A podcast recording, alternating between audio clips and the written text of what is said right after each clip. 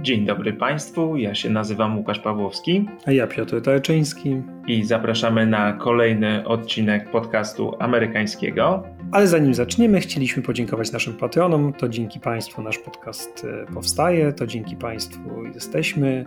E, a do grona naszych patronów w mijającym tygodniu dołączyli Joanna, Mira i Mister Fusek. Szczególnie dziękujemy panu misterowi Fuskowi, bardzo mi się podoba ten, ten pseudonim. Dobrze, ale teraz już na poważnie, o czym w tym tygodniu będziemy mówić? E, mówimy o Właściwie to są dwa tematy, ale jakby jeden, bo porozmawiamy trochę o tym, co robili w ostatnim czasie republikanie i na jakich konferencjach się spotykali, ale te spotkania i to, o czym republikanie mówili, nie jest bez związków z tym, co działo się w ostatnich wyborach i e, nie jest bez związku z wynikami, jakie osiągnęli demokraci w różnych miastach. Powiedzieliśmy Państwu w zeszłym tygodniu o wyborach e, na gubernatora Virginii, wspominaliśmy o New Jersey, a dzisiaj porozmawiamy także trochę o tym, co działo się w największych miastach, gdzie e, demokraci rywalizowali często sami ze sobą. No przeważnie sami ze sobą. Mm, e, rzeczywiście to były wybory, w których mieszkańcy wielu miast wybierali burmistrza. W miastach tak już jest, że wygrywają przeważnie demokraci. Największe miasto z republikańskim burmistrzem w Stanach Zjednoczonych to, to jest zagadka, wiesz jakie? Nie. Nie, nie wiesz. Jacksonville na Florydzie, numer 12 na liście. Generalnie tak to jest, że demokraci rządzą miastami. Pytanie tylko, którzy demokraci. Ale wiesz, to nie jest tylko w Stanach. W Polsce największe miasto, gdzie rządzi rządząca prawica, to jest Hełm, także to nie jest tylko w Stanach Zjednoczonych. Oczywiście, że nie. I teraz tylko pytanie, którzy demokraci rządzą. I okazuje się, że wygrywają przeważnie ci, którzy są trochę bardziej na prawo niż na lewo. Owszem, wyjątkiem był Boston, gdzie nową burmistrzynią została Michelle Wu, pierwsza kobieta wybrana na to stanowisko, pierwsza niebiała kobieta wybrana na to stanowisko, protegowana Elizabeth Warren, e, ale to jest wyjątek reguły. W większości miast wygrywali kandydaci, którzy e, plasowali się gdzieś mniej więcej w centrum, którzy byli tak zwanymi umiarkowanymi demokratami e, i którzy nie popierali defund the police, wręcz przeciwnie. W Nowym Jorku nowym burmistrzem został Eric Adams, e, ale to było oczywiście pewne, dlatego że prawdziwe wybory w Nowym Jorku odbywały się w, w czerwcowych prawyborach Partii Demokratycznej, o których Państwu opowiadaliśmy w, w jednym z naszych odcinków.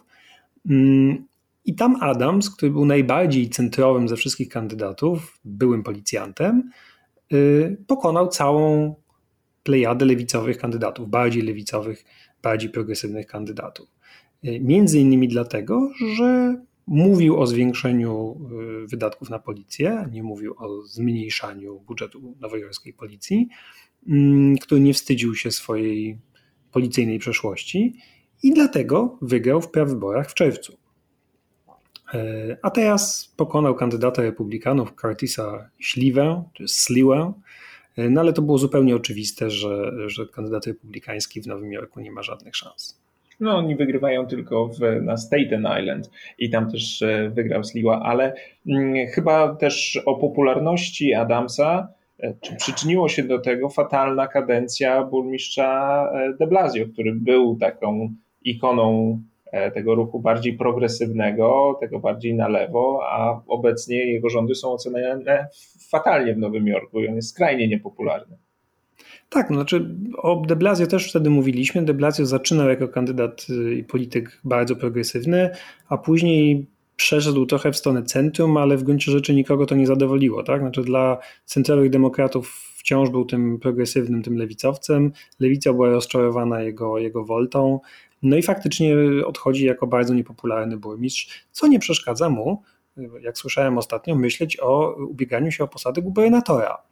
Więc podejrzewam, mm. że mhm. pójdzie mu to tak samo dobrze, jak ubieganie się o posadę prezydenta. No, ale... Tak, gdzie chyba nawet nie figurował w większości sondaży, bo nie miał żadnego poparcia, prawda? Grunt to wierzyć w siebie. Ale zostawmy Nowy Jork, idziemy dalej. W Minneapolis, gdzie zabito George'a Floyda, gdzie narodziło się Defund the Police, gdzie Rada Miasta w 2020 roku zagłosowała za obcięciem budżetu policji i rozwiązaniem w ogóle policji, poparła te propozycje, e, ten pomysł, który teraz e, był rozważany w referendum, się nazywało Yes for Minneapolis i e, propozycja polegała na zlikwidowaniu obecnej policji i zastąpieniu jej nowym Wydziałem Bezpieczeństwa Publicznego, mm, czyli jakby to miało być urzeczywistnienie pomysłu defund the police w praktyce, bo dodajmy, to nigdy nie, defund the police nie polega tylko na tym, że ktoś chce zlikwidować policję zupełnie i żeby nikt nie e, zajmował się sprawami bezpieczeństwa w mieście. To jest zawsze, e, to jest niefortunna nazwa, ale która tak naprawdę ma polegać na zastąpieniu części funkcji policji innymi instytucjami, innymi organami. Też o tym Państwu mówiliśmy w, w, innych odcinkach. Chodzi na przykład o to, żeby służby y, powstały specjalne zajmujące się opieką nad osobami chorymi psychicznie, a nie, że y, pierwszą first responders, pierwszą instytucją, która się takimi osobami zajmuje, są policjanci, którzy są do tego po prostu nieprzygotowani. No tak, ale to przepraszam, przerwę ci, ale to jest ważne, bo to pokazuje, jak niefortunna jest ta nazwa, bo jeżeli tak to rozumieć, to to można by przedstawiać jako e, inicjatywy typu support the police, wspieranie policji, rozszerzanie e, takiego bezpieczeństwa ludzi, czy rozszerzanie usług, z których e, mogą skorzystać osoby, które potrzebują pomocy instytucji państwa, żeby nie, nie dzwonili tylko na policję, e, na przykład do, do osoby chorej psychicznie, czy osoby uzależnionej, tylko żeby mieli wsparcie wsparcie innych instytucji e, i w ten sposób szerszy wachlarz możliwości, lepiej dostosowany do ich potrzeb. A kiedy mówisz defund the police, to powstaje takie wrażenie, że masz wyrzucić policjantów na bruk, ale zresztą w, tym, w tej ustawie, o której, czy w tej propozycji, o której mówisz w Minneapolis, tam akurat był chyba taki zapis, żeby porzucić e, taki przepis wymagający odpowiedniej liczby policjantów proporcjonalnie do wzrostu populacji. Chciano zrezygnować z tego minimum policjantów e, proporcjonalnie do wzrostu populacji do liczby populacji. E, no więc to też był kontrowersyjny zapis w tej, w tej propozycji. Jasne. No i ta propozycja nie przeszła. 56% mieszkańców opowiedziało się przeciw. Wygrał urzędujący burmistrz Jacob Frey, którego, przypominam, w zeszłym roku wybuczano na wiecu, kiedy powiedział, że nie popiera likwidacji policji, który teraz też nie popierał tej propozycji Yes for Minneapolis. Nie pokonała go kandydatka y, z lewej strony. No i to rzeczywiście jest symboliczna przegrana jakby ruchu Defund the Police, który rzeczywiście miał ogromny problem komunikacyjny, bo w większości przypadków Defund the Police polegało na tym, o czym ty mówisz. To znaczy to nie jest y, tylko likwidacja policji i ludzie, którzy y, proponowali y, reformę policji, przeważnie, że zazwyczaj przedstawiali cały szereg różnych możliwości oraz y, tego, jak policja czy służby porządkowe powinny działać lepiej. To były często propozycje bardzo rozsądne, ale rzeczywiście były one opakowane w to niefortunne hasło Defund the Police. Mm, przejdźmy dalej. W progresywnym mieście Seattle y, też wygrał kandydat bardziej umiarkowany, wzywający do zwiększenia budżetu policji. Przeciw sobie miał radną, która chciała obciąć budżet policji o połowę. Ona się z tego zaczęła wycofywać w kampanii y, już wyborczej, no ale to nie pomogło. Co więcej, w wyścigu na prokuratora miejskiego e, prowadzi była demokratka, a dziś republikanka, która po drugiej stronie miała bardzo lewicową kandydatkę. I to jest coś rzeczywiście niezwykłego, żeby w Seattle w ogóle jakiś republikanin miał szansę na jakiekolwiek stanowisko. Urzędująca burmistrzyni Seattle, dodajmy, w ogóle się nie ubiegała o reelekcję, bo miała fatalne oceny, trochę tak jak de Blasio, e, z ostatnich lat. E, pandemia oczywiście, kryzys bezdomności, niepokoje społeczne, tam jeszcze dochodziła kwestia tego, jak miasto radziło sobie z protestami Black Lives Matter. Powstała ta słynna Capitol Hill Autonomous Zone, czyli taka strefa bez policji. Mm, no ale przede wszystkim e, nastąpił rzeczywiście wzrost przestępczości.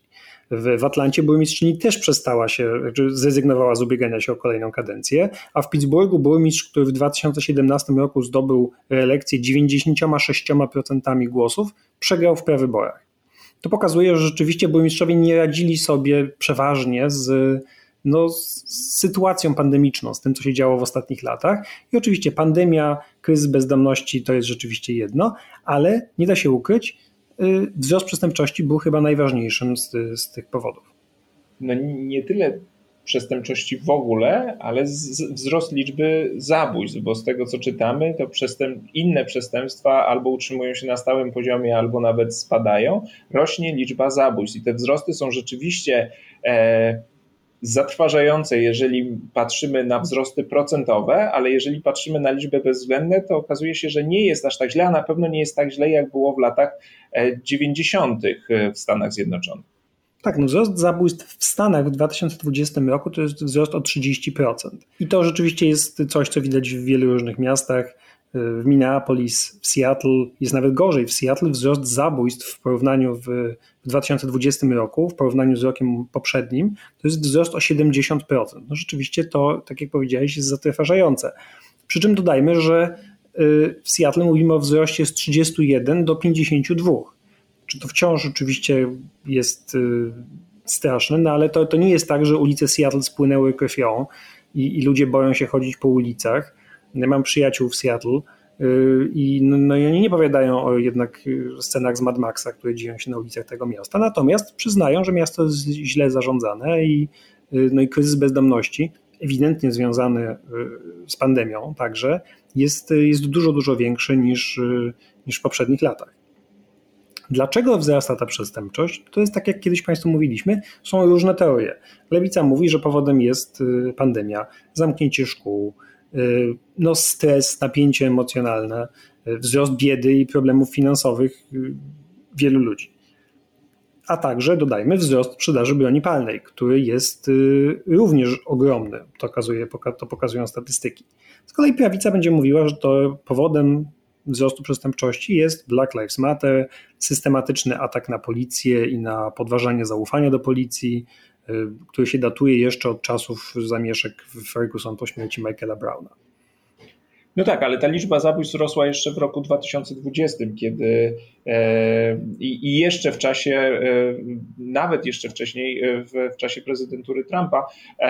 W związku z tym trudno powiedzieć, że to jest jakaś taka zmiana, która jest spowodowana tylko i wyłącznie tymi, tą lewicową polityką, bo mieliśmy tych burmistrzów e, lewicowych wcześniej i tego wzrostu nie notowaliśmy. Mieliśmy prezydenta jeszcze republikańskiego i już ten wzrost następował, więc to by sugerowało, że jednak e, te wyjaśnienia odnoszące się do pandemii i tej wyjątkowej sytuacji e, mają sens.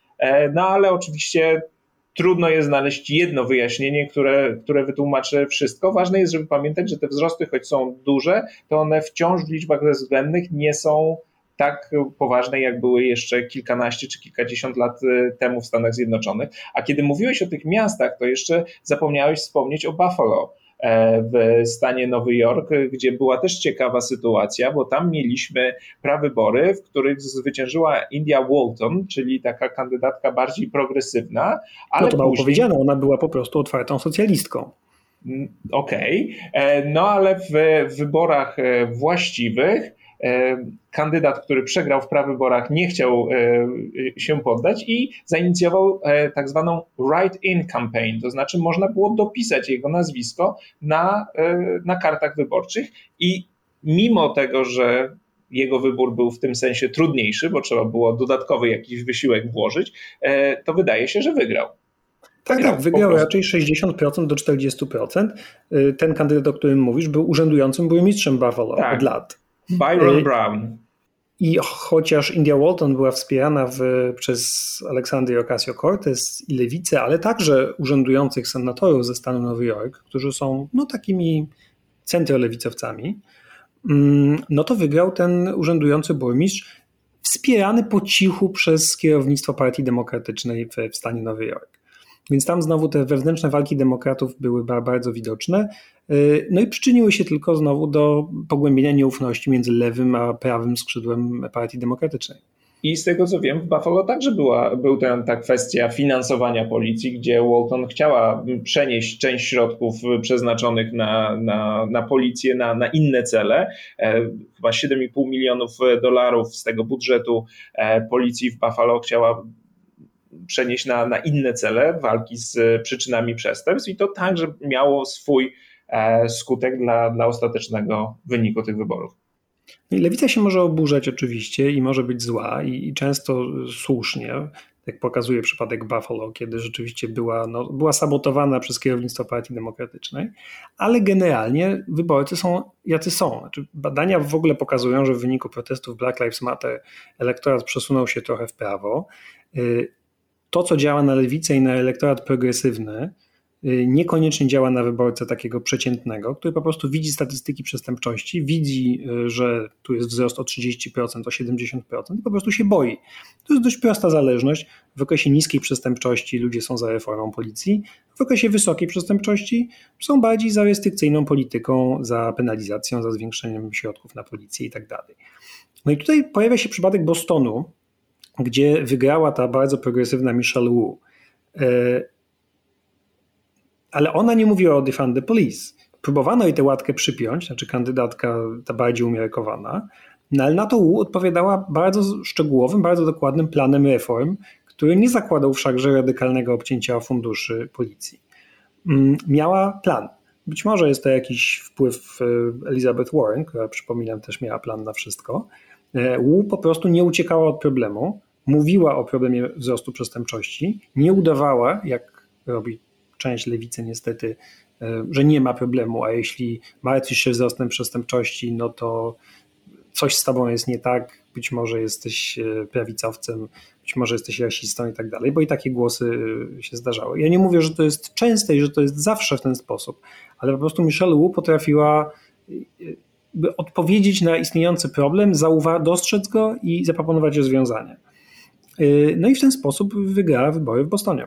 No i demokraci jakby świadomi tych e, rezultatów e, i przestraszeni nimi, może nie tyle nawet świadomi, bo to oczywiste, ale bardzo przestraszeni tymi e, rezultatami zarówno w Virginii, w New Jersey, gdzie nawiasem mówiąc, dodajmy, kandydat republikański, mimo że przegrał, podważa wyniki wyborów, bo tam różnica była niewielka i jak republikanie przegrywają, to okazuje się, że mamy problem z wyborami. Przypominamy, że w Virginii, gdzie wygrali, żadnych fałszerstw e, się nie dopatrzyli. A, a tam, gdzie mają problem, to e, a jednocześnie jakąś e, szansę na wygraną w tym sensie, że ta, te różnice są niewielkie, niewielkie, to dostrzegają zagrożenie fałszerstwami wyborczymi. No więc demokraci po tych wynikach stwierdzili, że to jest najlepszy moment do tego, żeby przegłosować pakiet infrastrukturalny E, prezydenta Bidena, czyli nie tę agendę Build Back Better, tą, e, gdzie pieniądze mamy na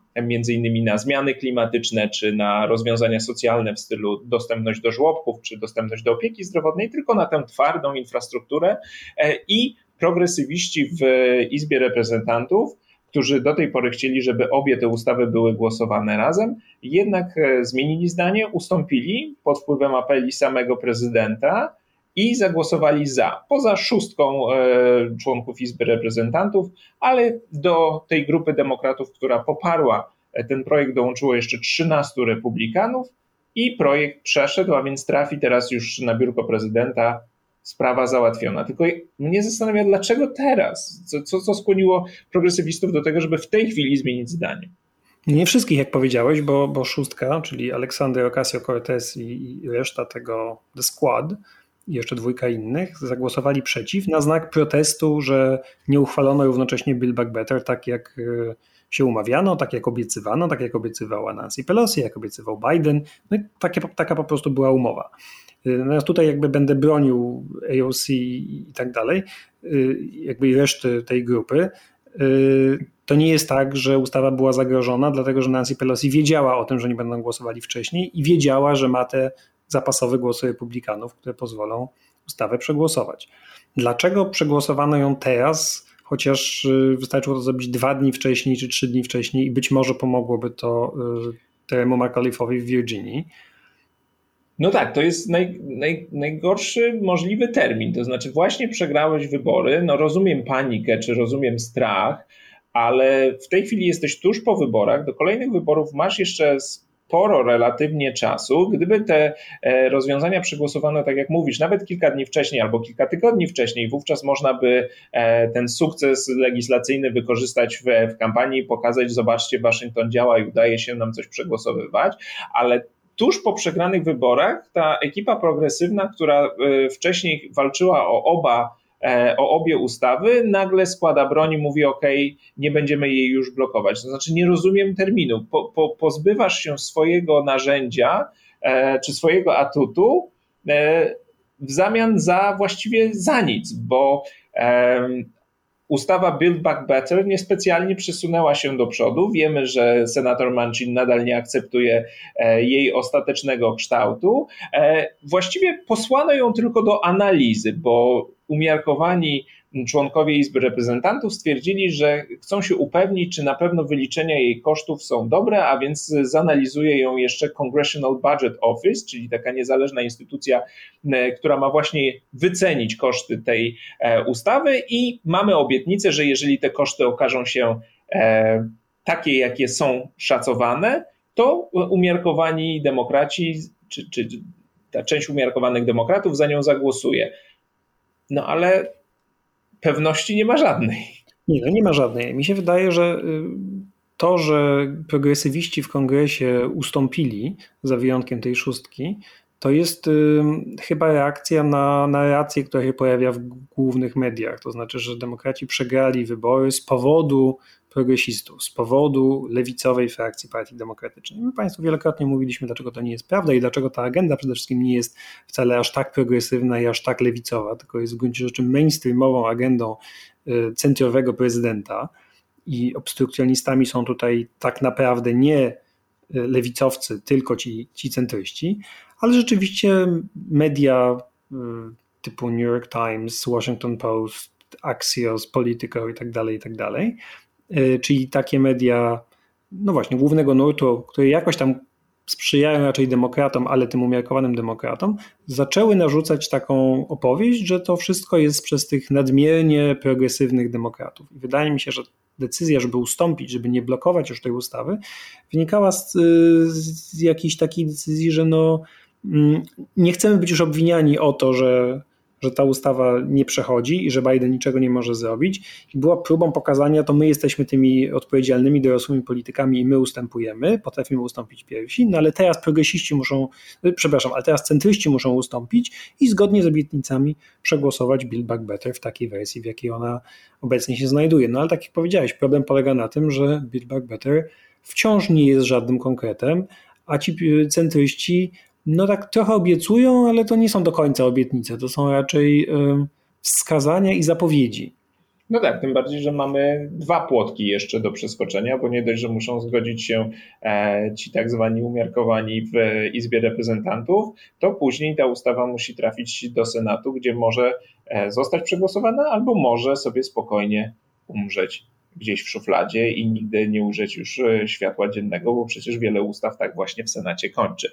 Mm, więc mm, o ile rozumiem Twoją argumentację, e, to nie rozumiem, dlaczego nastąpiło to e, właśnie w tym momencie, można sobie było dać jeszcze chwilę, jeszcze trochę czasu i pociągnąć te negocjacje, bo e, przegłosowanie tej ustawy tuż po przegranych wyborach no, chyba wiele nie zmienia. Owszem, e, notowania Bidena są bardzo słabe i mówiliśmy o tym, że prawdopodobnie przyczyniły się też do, do tych porażek wyborczych w niektórych miejscach, ale no w tej chwili nie ma żadnego testu wyborczego, więc akurat teraz była chwila oddechu na to, żeby te, te negocjacje jeszcze trochę potrwały. Może nie zakończyłyby się powodzeniem, ale moment rezygnacji e, tej strony progresywnej ze swoich postulatów i ze swoich narzędzi wydaje mi się kompletnie chybiony.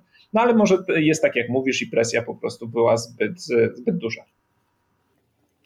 Co ciekawe, ta ustawa infrastrukturalna opierająca na 1,2 biliona dolarów perspektywie dziesięcioletniej, to jest największa y, od czasów stworzenia systemu autostrad za Eisenhowera inwestycja w infrastrukturę publiczną. To będą wydatki na drogi, mosty, tunele, lotniska, sieć energetyczną, internet na wsi itd. Tak itd. Tak no i ona przeszła ponadpartyjnie, czyli de facto stało się to, co Biden zapowiadał, że będzie w stanie doprowadzić do ponadpartyjnych ustaw, tak jak to kiedyś bywało. W kongresie 13 republikańskich kongresmenów zagłosowało za. W Senacie ustawa przeszła przez Senat w sierpniu, czyli trochę czasu minęło. Poparło ją aż 19 republikańskich senatorów, w tym nie tylko w tym Mitch McConnell właśnie, czyli nie tylko ci e, ta dwójka czy trójka jakoś tam umiarkowanych republikanów, znaczy zawsze mówimy o tych samych osobach, czyli Lisa Murkowski, e, Susan Collins, jakiś tam Ben Sass, czy, ale w tym Mitcha McConnella. Ale ciekawa jest teraz reakcja Partii Republikańskiej, no bo ustawa przeszła ponadpartyjnie, jeszcze Biden jej nie podpisał, powinien to zrobić niebawem. No ale wybory 2022 już de facto ruszyły. To jest rok do wyborów, zaczęło się wydawanie milionów dolarów na, na kampanię. Jeszcze nie w sprawie konkretnych kandydatów, bo kandydatów często jeszcze nie ma, ale już są reklamy takie ogólne, żeby przekonać wyborców w jedną lub w drugą stronę. Demokraci już zaczęli się chwalić wydatkami na infrastrukturę, co nawiasem mówiąc, być może z odpowiedzią, dlaczego ta ustawa przeszła już, żeby już można było zacząć się nią chwalić w, w mediach. Już Pete Buttigieg, czyli sekretarz transportu, zapowiada działanie. Y, ale z kolei republikanie wydają na reklamy o tym, że demokraci wydają za dużo pieniędzy i ending spending i jakby marnotrawstwo. Przy czym dodajmy, wielu tych republikanów, może nie wielu, no ale jakaś część republikanów głosowała za tą ustawą. A doły partyjne, doły republikańskie w ogóle jakby oszalały i mówią o zdrajcach, to ta trzynastka to mają być zdrajcy, jest mowa o socjalizmie, to nasz nieodżałowany kolega Matt Gates którym ostatnio cicho. Nie wiem, jakiego proces, może to jakoś powinno przyspieszyć. Przypominamy, to kongresmen z Florydy, o którym kiedyś Państwu opowiadaliśmy. Tak. E, jest mowa o komunizmie, to nasza inna ulubienica, Marjorie Taylor Greene, która opublikowała w ogóle numery telefonów tej trzynastki kongresmenów republikańskich i żeby dzwonić do tych zdrajców i mówić, jak bardzo jest się, jest się oburzonym. Co ciekawe, i to jest zawsze mnie takie zachowanie zdumiewa, mm, ta akcja przeciwko zdrajcom dotyczy wyłącznie tej trzynastki kongresmenów z Izby Reprezentantów. Nikt nie wzywa do tego, że, żeby karać zdrajców w Senacie. Znaczy, ta 19, tych 19 republikanów, którzy głosowali za tę samą ustawą w Senacie, jest bezpiecznych. Nikt nie wzywa do tego, żeby Mitcha McConnella usunąć ze stanowiska i że jest zdrajcą Partii Republikańskiej.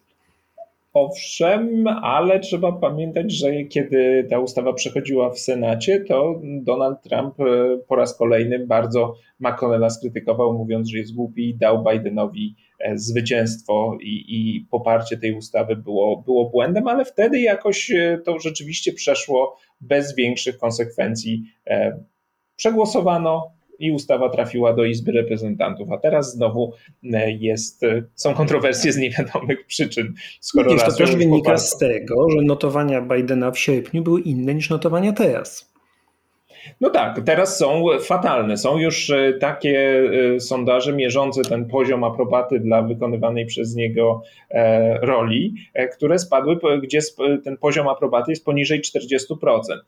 I z tego, co czytałem, Biden tracił poparcie w sposób najbardziej gwałtowny ze wszystkich prezydentów po II wojnie światowej, z wyłączeniem Trumpa, więc ten spadek jest rzeczywiście bardzo gwałtowny.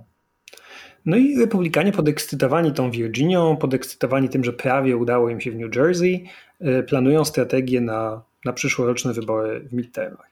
No i odbyły się takie dwie ważne konferencje, które, mm, w których zaczyna się szukanie strategii. Zaraz Państwu o nich opowiemy. Pierwsza to była Republican Jewish Coalition w Las Vegas. E, taka trochę bardziej, powiedziałbym, szacowna konferencja, na której pojawiło się trochę głosów, nazwijmy to centrowych, a w każdym razie umiarkowanych. I kompletne szaleństwo, które odbyło się w Orlando na Florydzie, y, National Conservative Conference. W Orlando na, na Florydzie, czyli w tym samym miejscu, gdzie w lutym odbywała się Conservative Political Action Conference. Wspominaliśmy o niej, bo tam e, główną gwiazdą był mm, Donald Trump i obserwowaliśmy także taką próbną rywalizację między Trumpem a mm, gubernatorem Florydy Ronem DeSantisem, który także ma, o czym wiemy, ambicje prezydenckie, e, ale ta konferencja e, była, miała innych e, nieco gości również szacownych byli m.in. E, senatorzy z Partii Republikańskiej, Josh Hawley, Ted Cruz, e, Marco Rubio, pojawił się ostatecznie wirtualnie, chociaż miał być osobiście, a także e, autor znanej może Państwu książki Elegia dla bidoków Hillbilly Elegy, J.D. Vance, czyli człowiek, który teraz ubiega się o nominację swojej partii w wyborach na senatora ze stanu Ohio. Szanse ma raczej niewielkie, bo ma około 13% poparcia w, w, w, w sondażach, kilkanaście procent, 13-15 e, to jest mniej więcej dwa razy mniej niż e, lider tego wyścigu, ale e, warto pokazać to, o czym ci panowie tam mówili, bo wszyscy panowie mają oczywiście wielkie ambicje, w tym ambicje prezydenckie, i to, co tam próbowano zrobić, to tak jak wspomniał Piotr, szukać jakiejś myśli, e, czy takiego punktu zaczepienia, która pozwoliłaby Partii Republikańskiej powtórzyć to, co udało się Yankinowi, prawda, w Virginii, czyli z jednej strony zachować e, poparcie bazy Donalda Trumpa, e, samego Trumpa wziąć w nawias, a jednocześnie pewnie poszerzyć to poparcie o takich wyborców bardziej umiarkowanych, którzy Trumpa niespecjalnie tolerowali, ale już takiego Holeya to może by, by chcieli. Znaczy, to szukanie drogi jankinowej, tak ją nazwijmy, to, to się odbywało raczej w tym Las Vegas na konferencji Republican Jewish Coalition, y, gdzie przynajmniej niektórzy prelegenci próbowali się jakoś dystansować od Trumpa, czyli powtarzali strategię Jankina. Na przykład Chris Christie, były gubernator New Jersey, e, który kiedyś był takim fajnym republikaninem, potem został zwolennikiem Trumpa, był nawet rozważany przez Trumpa jako kandydat na jego wiceprezydenta, mm, ale potem ich drogi się rozeszły. No i to Chris Christie mówił, że no 2020 to już było, czas na przyszłość, plan na jutro, a nie rozkminianie wczorajszych bolączek. No ale ta, to przemówienie miało bardzo skromne brawa i jakby nie spotkało się z, z dużym zainteresowaniem. E, I, I, rzeczywiście takich głosów, czyli takich, które rzeczywiście próbują mm, dostrzegać, że partia republikańska, żeby wygrywać, musi się nieco od Trumpa dystansować, e, jest stosunkowo niewiele. I na tej konferencji w Orlando, na tej National Conservative Conference, e, to już było zupełnie odjazdowo. Było odjazdowo, ale ja bym się trochę z tobą kłócił, bo był e, Ted Cruz, który oczywiście także musiał się przytulić do Trumpa, kiedy Trump e, wygrywał i, i próbuje tę bazę Trumpa przejmować, ale jednocześnie próbował gdzieś się tam od niego odcinać, w tym sensie, żeby zepchnąć go trochę e, na bok, mówiąc, że Trumpa wszyscy lubimy, bo to jest taki walczak e, i, i potrafił walczyć, ale że to jest wyjątkowa osobowość i wyjątkowy, w domyśle w wyjątkowych okolicznościach i nie powinno się to już powtórzyć. Teraz czas na nas. No, wszyscy wiemy, że jakby ci panowie mogli, to by Trumpa, Trumpa zadźgali i, i usunęli ze sceny politycznej. I, ale tak mogli, szybko, to jest to najlepsze. Mogli go zadźgać i usunąć ze sceny politycznej. I Ted Cruz, i Josh Hawley mogli mogli zagłosować za impeachmentem Trumpa i nie byłoby mowy o tym, że Trump będzie kandydował w 2024 roku. No zabrakło czegoś. Odwagi prawdopodobnie, a może zmysłu e, strategicznego, ale są gdzie są. No i teraz próbują szukać dla siebie miejsca. I takim najszerszym echem odbyło, od, e, odbiło się przemówienie Josha Holeya, który w, w swoim wystąpieniu chciał bronić i bronił amerykańskiej męskości, amerykańskich mężczyzn. To jest ciekawe przemówienie, bo ono z jednej strony, może ja jestem skrzywiony, ale dla mnie było ciekawe, bo ono z jednej strony jest strasznie. Mm, no muszę tak powiedzieć, no jest głupie, oparte na, na fałszerstwach, na przekłamaniach, na dobieranych y, bardzo e, celowo liczbach, czy zwyczajnie przekłamanych statystykach, ale z drugiej strony widać tam pewną myśl i, Holly nie jest głupim człowiekiem i widać do kogo e, i w jaki sposób chce planować swoją e, kampanię wyborczą. No więc co mówił Holly? E, przede wszystkim oskarżał lewicę o to, że lewica chce zniszczyć amerykańskich mężczyzn, e, a amerykańscy mężczyźni i tak zwane cnoty męskie to jest podstawa zdrowej republiki i to jest podstawa wolności w takiej republice jak amerykańska. No i tu już mamy oczywiście bzdurę, bo po pierwsze nie bardzo wiadomo, co to są te męskie cnoty. To znaczy, on mówił tutaj o odwadze, o niezależności, o asertywności, ale dlaczego to mają być cnoty męskie, a dlaczego nie po prostu dobre cnoty ludzkie? Dlaczego kobieta nie może być odważna, tylko ma to być cecha męska? Tego już nam e, nie wyjaśniał. E, no i powtarzał na każdym kroku, że celem lewicy jest zohydzenie E, Stanów Zjednoczonych jako państwa, pokazywanie, że to są, że to kraj tak systemowo rasistowski, systemowo paternalistyczny, systemowo seksistowski i w ogóle zło na ziemi. To jest oczywiście przesada e, i, i, i nieprawda, ale mówiliśmy o tym Państwu także w poprzednim odcinku, że ludzie mogą się obawiać takiego nowego no, nowej na przykład interpretacji amerykańskiej historii, która nie jest jednoznaczna, czy nowych tematów wprowadzonych do na, nauki w szkole i Holly i ludzie jemu podobni próbują z, z tego zrobić właśnie straszak. Głównym tematem był jednak ciężki los amerykańskich mężczyzn, bo oprócz tego, że lewica chce zniszczyć e, Stany Zjednoczone, czy wiarę w Stany Zjednoczone jako dobry kraj, to chce zniszczyć e, takie przekonanie amerykańskich mężczyzn, że są cokolwiek warci, bo mówi im tylko, że są problemem i są źródłem wszelkiego zła na tym świecie. Tak, no, lewicowy atak na męskość to jest dwuznaczne słowo, ale w tym e, sensie celowe. To znaczy, de facto przekaz Holeja był taki: lewica chce was wykastrować i podawał różne przykłady y, ludzi, którzy właśnie mu opowiadają swoje historie o jakimś żołnierzu, który z West Point, który skarżył się, że uczy się go, jak nie być mężczyzną, o tym, że chłopcy w szkołach są faszerowani lekami, żeby nie zachowywać się jak chłopcy. No, bo mówił o tym, że jak się zachowują jak chłopcy, jak są głośni, jak się biją, jak są tacy właśnie chłopięcy, to się wtedy e, stwierdza, że mają jakieś zaburzenia osobowości albo e, innego rodzaju choroby i podaje się im leki, żeby ich tak tymi, tymi lekarstwami zmusić do, do posłuszeństwa. Również było o tym, że szczepionki są celowo wycelowane w mężczyzn. Znaczy, jak to, to już jest się łączy, to ja już kompletnie nie wiem w jaki sposób. Ja też no nie mam pojęcia.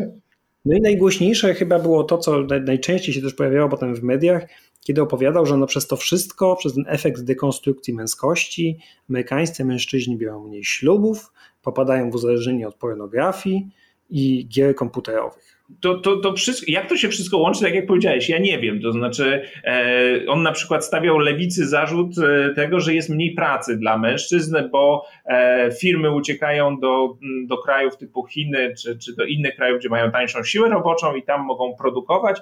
E, w związku z tym nie, amerykańscy mężczyźni nie mają pracy. Albo zarzucał lewicy, E, taki fakt, że rolnicy w Stanach Zjednoczonych nie mogą się postawić wielkim, e, potężnym korporacjom żywnościowym. Nie ma to najmniejszego sensu, ale zarzuty takie były.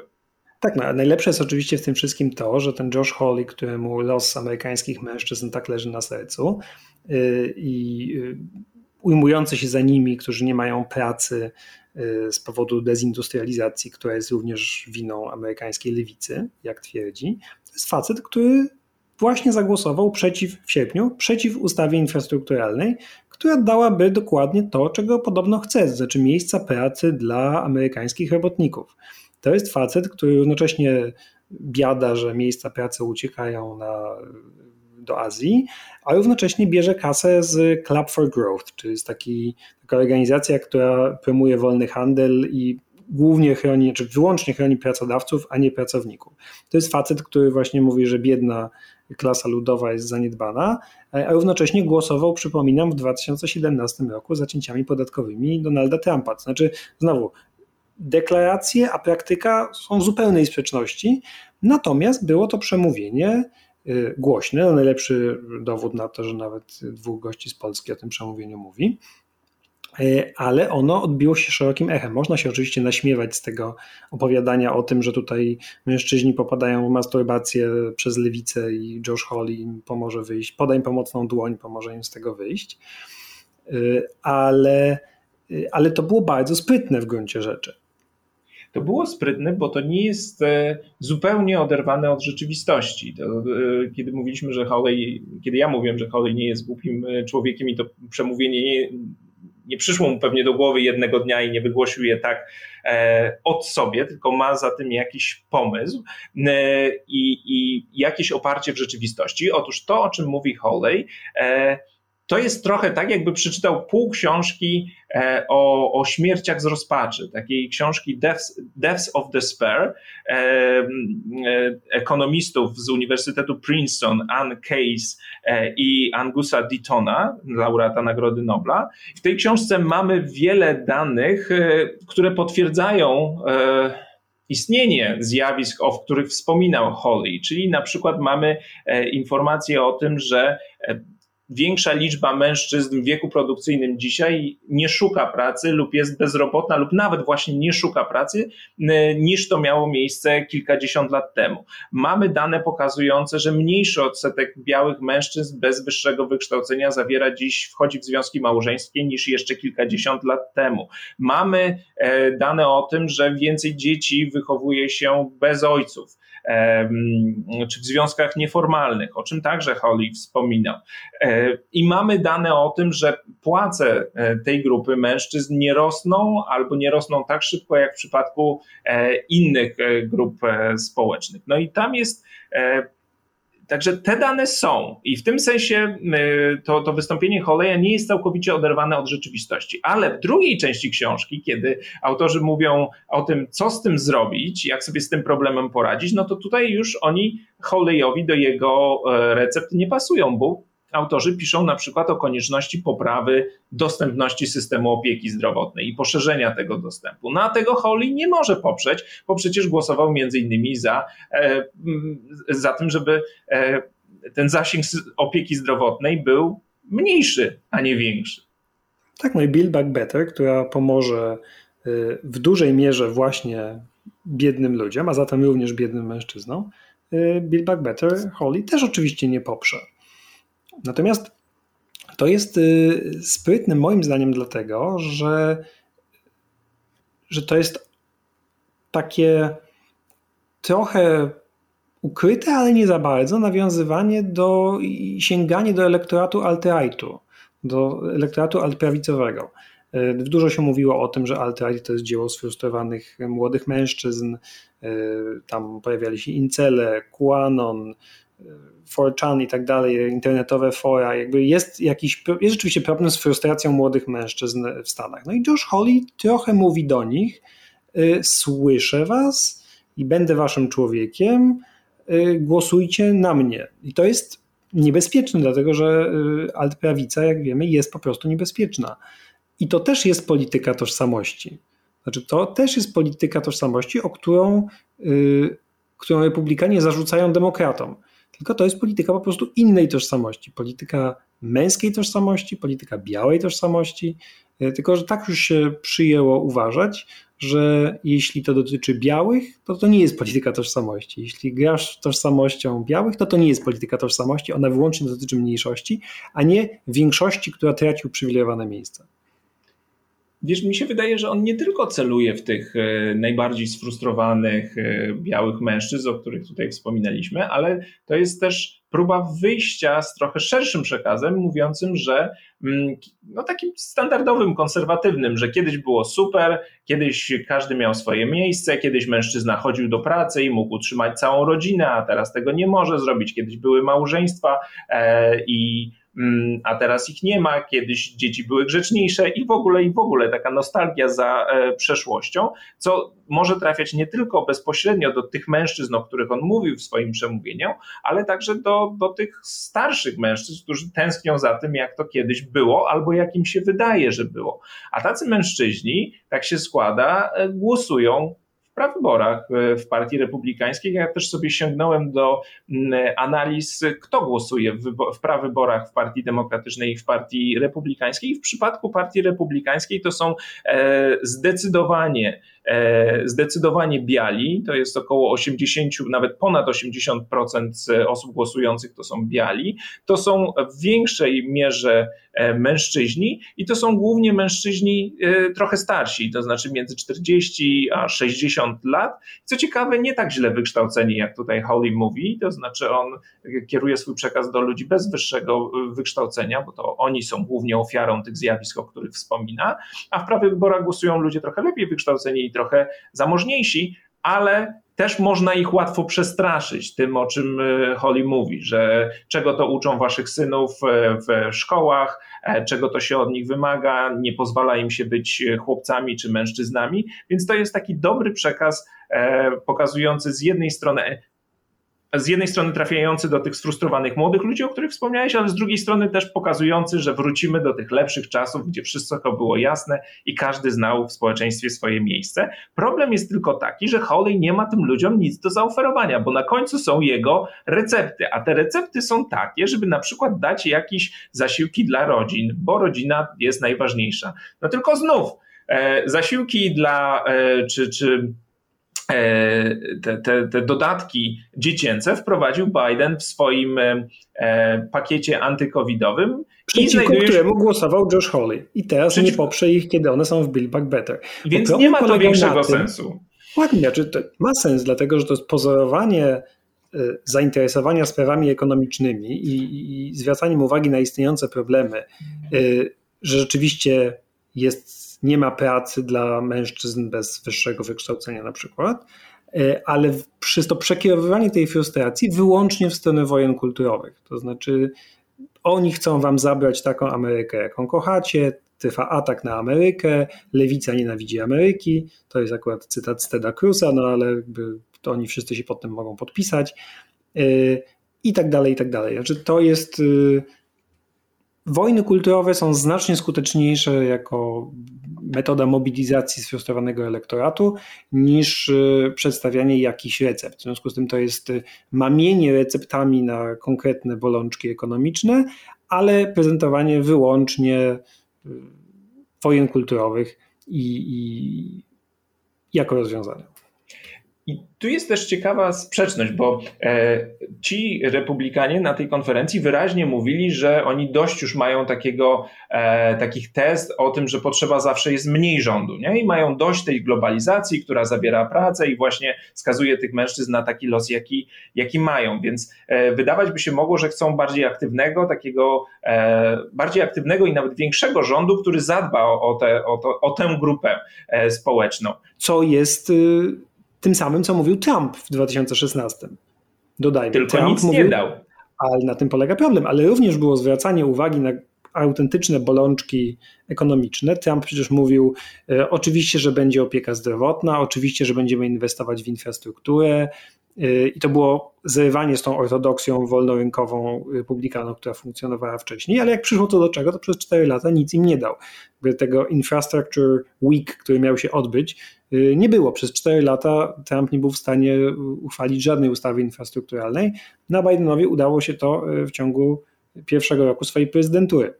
To znaczy Infrastructure Weeks się odbywały, tylko że nic za nimi nie, nie stało. Tak. E, nie, nie miały żadnego poparcia w rzeczywistości. Nawet w tygodniku The Economist, w podcaście ekonomista, śmiali się z Holeya, mówiąc, że e, kiedy będzie startował w wyborach prezydenckich, to jego hasło w nawiązaniu do Trumpa powinno brzmieć Make America Manly Again, w skrócie mama i że z takim hasłem na pewno wybory wygra.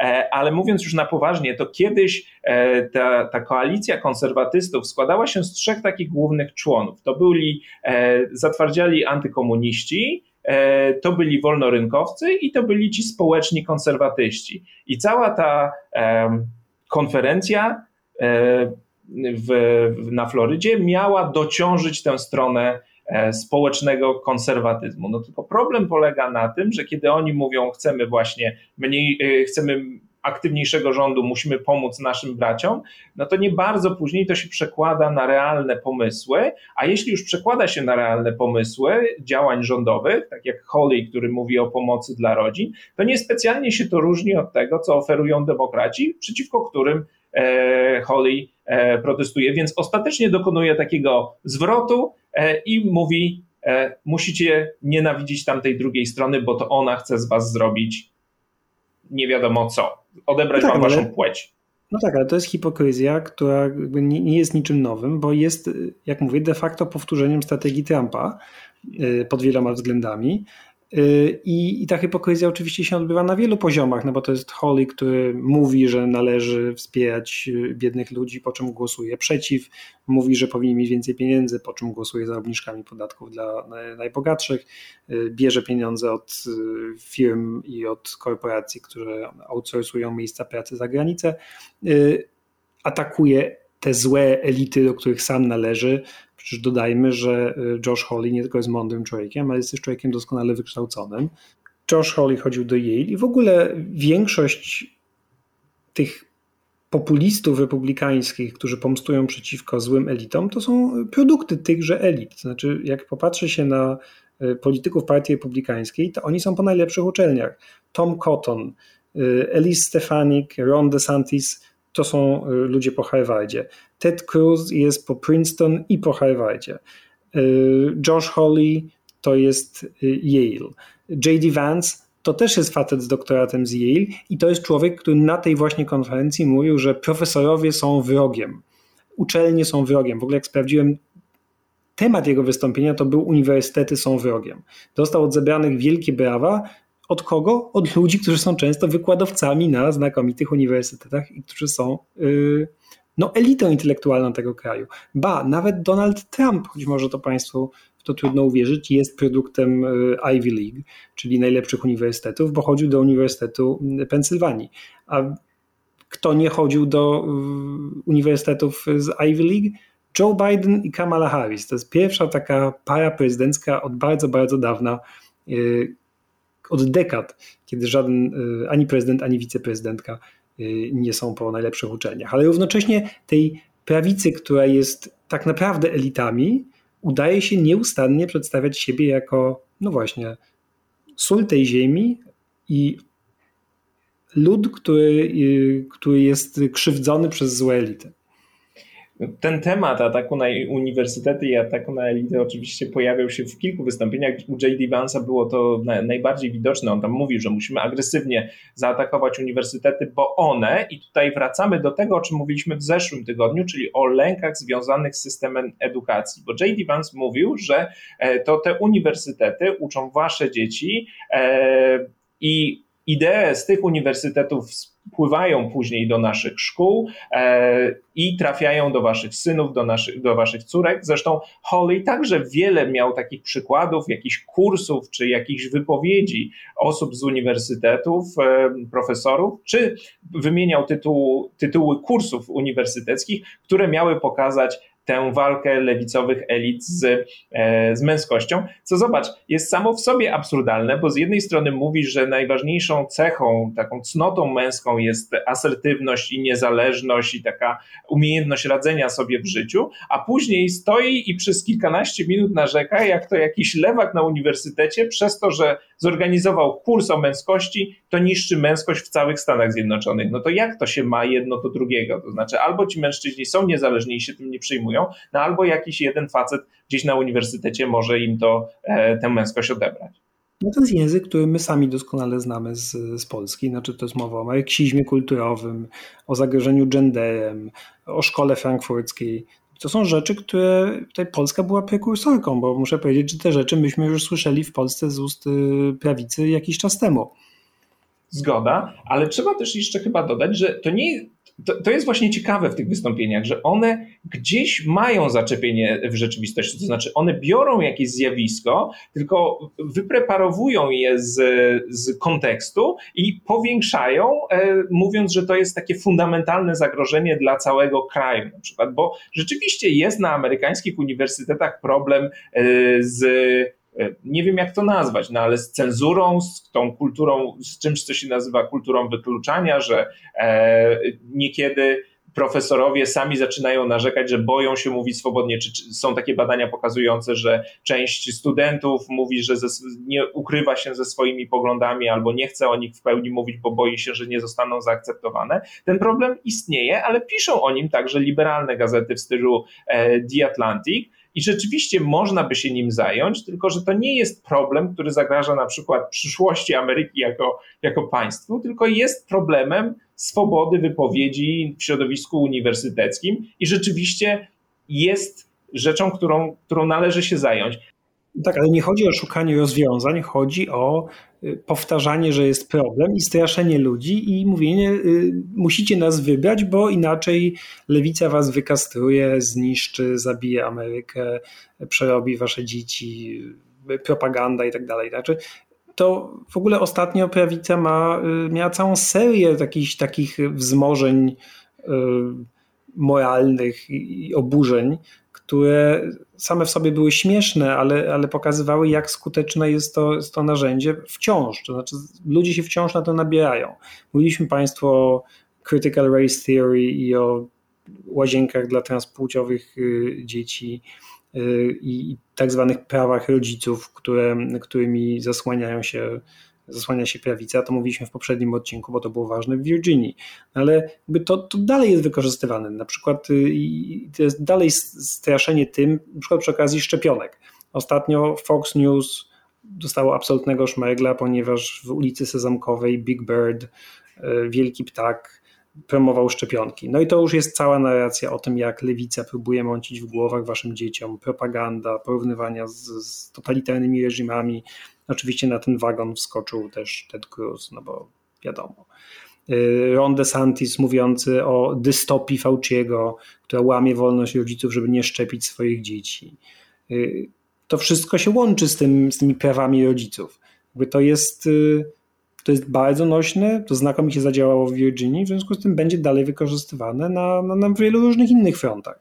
A jeszcze powinniśmy powiedzieć, bo elementem tego nowego E, nowego otwarcia dla republikanów jest takie hasło Let's go Brandon. Czy mógłbyś wyjaśnić Państwu, dlaczego Let's go Brandon oznacza de facto fuck Joe Biden? Tak, teraz Państwu zrobimy wyjaśnienia memów, ale rzeczywiście możecie się z tym spotkać tu i ówdzie. Mm, to jest takie, e, to się wzięło z wyścigu NASCAR 2 e, października, kiedy ludzie zaczęli skandować fuck Joe Biden, a reporterka rozmawiająca z kierowcą Brandonem Brownem, powiedziała: No, jak Państwo słyszycie w tle, ludzie skandują Let's go Brandon. Czy zrobiła to przez pomyłkę, bo naprawdę nie słyszała, co, co oni tam skandują, czy nie chciała powtarzać wulgaryzmów, nie ma to znaczenia. Zrobił się z tego mem. I teraz Let's Go Brandon jest takim nowym szałem na, na prawicy, yy, które Znowu, to jest głupie, ale sprytne. To jest trochę jak pisanie, zamiast dupa, to jest pisanie dopa przez dwa o. To jest takie haha. Jak już chcesz powiedzieć dupa, to powiedz dupa, a nie taki dziecinny poziom sztubackości. Chcesz powiedzieć fakt Joe Biden, to, to po prostu powiedz. Nikt ci tego nie zakazuje. Ale to właśnie o to chodzi. Czy w ten sposób prawica może się przedstawiać jako ofiara tej cancel culture, bo oni by chcieli powiedzieć fakt Joe Biden, ale nie wolno im. Są, są, ich, ich wolność słowa jest ograniczana, w związku z tym muszą uciekać się do takich metod.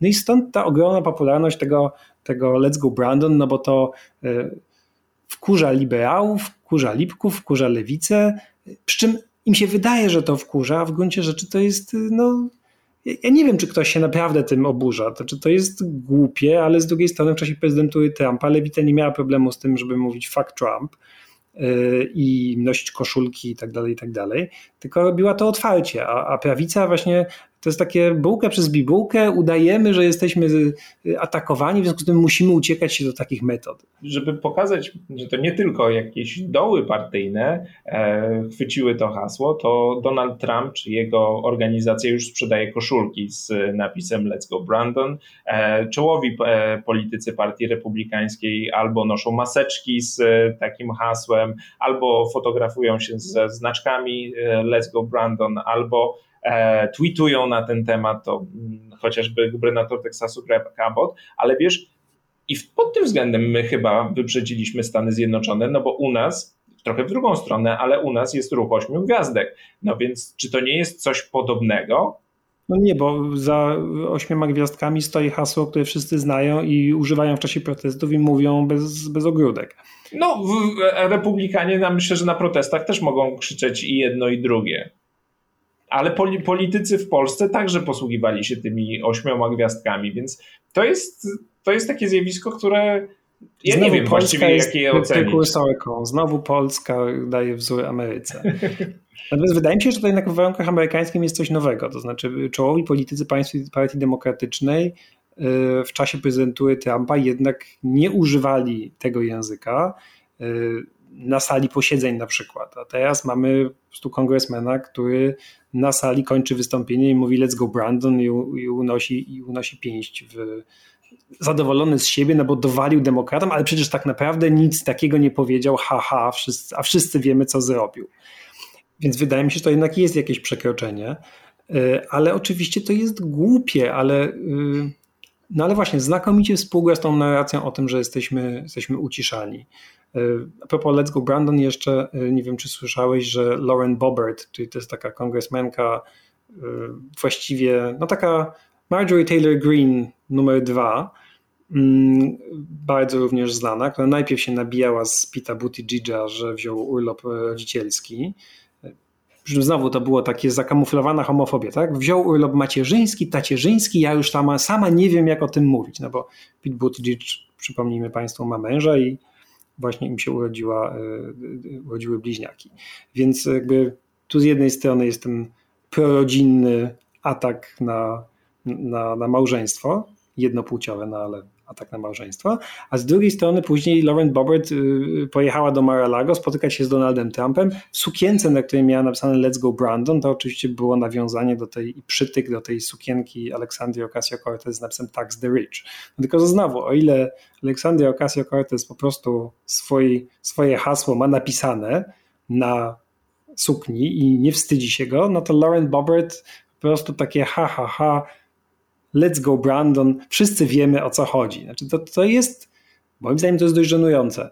Natomiast y, to nie ma znaczenia, czy jest żenujące, czy nie, skoro działa. A działa.